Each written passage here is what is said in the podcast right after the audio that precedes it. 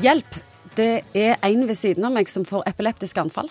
Ja, det, oppleves veldig dramatisk for de som står, uh, står, rundt og ser på. Fordi et vanlig epileptisk anfall, som, sånn som du tenker på det, er jo at en faller om, uh, mister bevisstheten og ryk, har rykninger i hele kroppen.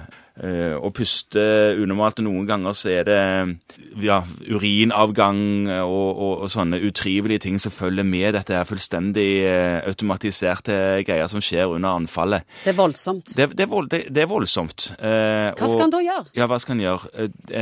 pass på hodet til den som ligger og rister, sånn at han ikke driver og dunker det i betonggulvet, hvis det, ja, eller i bakken. Og så skal han ikke, sånn som mange tror, legge et eller annet imellom tennene tennene på den personen som har anfallet, fordi det du oppnår da, er å ødelegge tennene.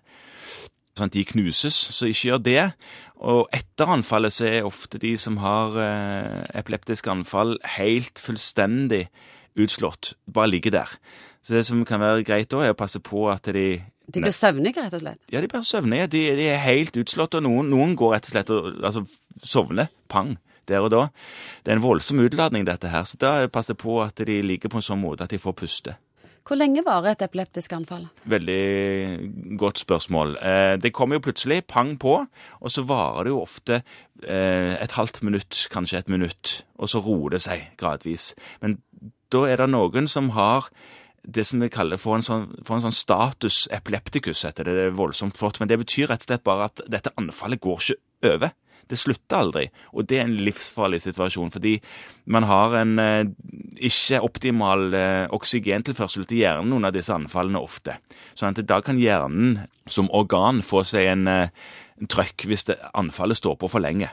Da har ofte den pasienten eh, med seg medisin, som er sånn beroligende medisin. og Det nytter ikke å si ta denne og drikk dette vannet, og så mm. roer det seg. Du må rett og slett gi denne medisinen per eh, rektum, altså inn bakveien, eh, for å si det sånn. Og det er jo, det er jo ikke noe en liksom starter med som for tilfeldig forbipasserende umiddelbart dersom en ser et epileptisk anfall. Det, det tar seg ikke ut å dra ned buksa og begynne med det.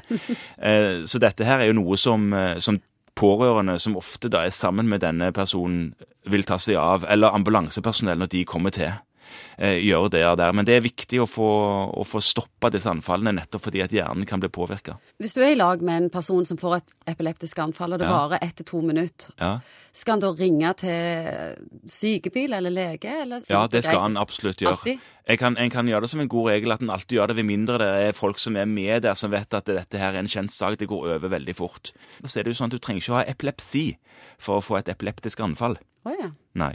Epileptisk anfall kan en få dersom en er veldig trøtt, eh, dersom et eller annet annet skjer, så kan en bli vippa av pinnen og få et epileptisk anfall uten at en har epilepsi. Da må en finne ut hvorfor en heter dette epileptiske anfallet, og i den perioden en prøver å finne ut hvorfor, så mister òg personen som hadde anfallet, førerkortet, og det oppleves veldig dramatisk inngripen i, i hverdagen.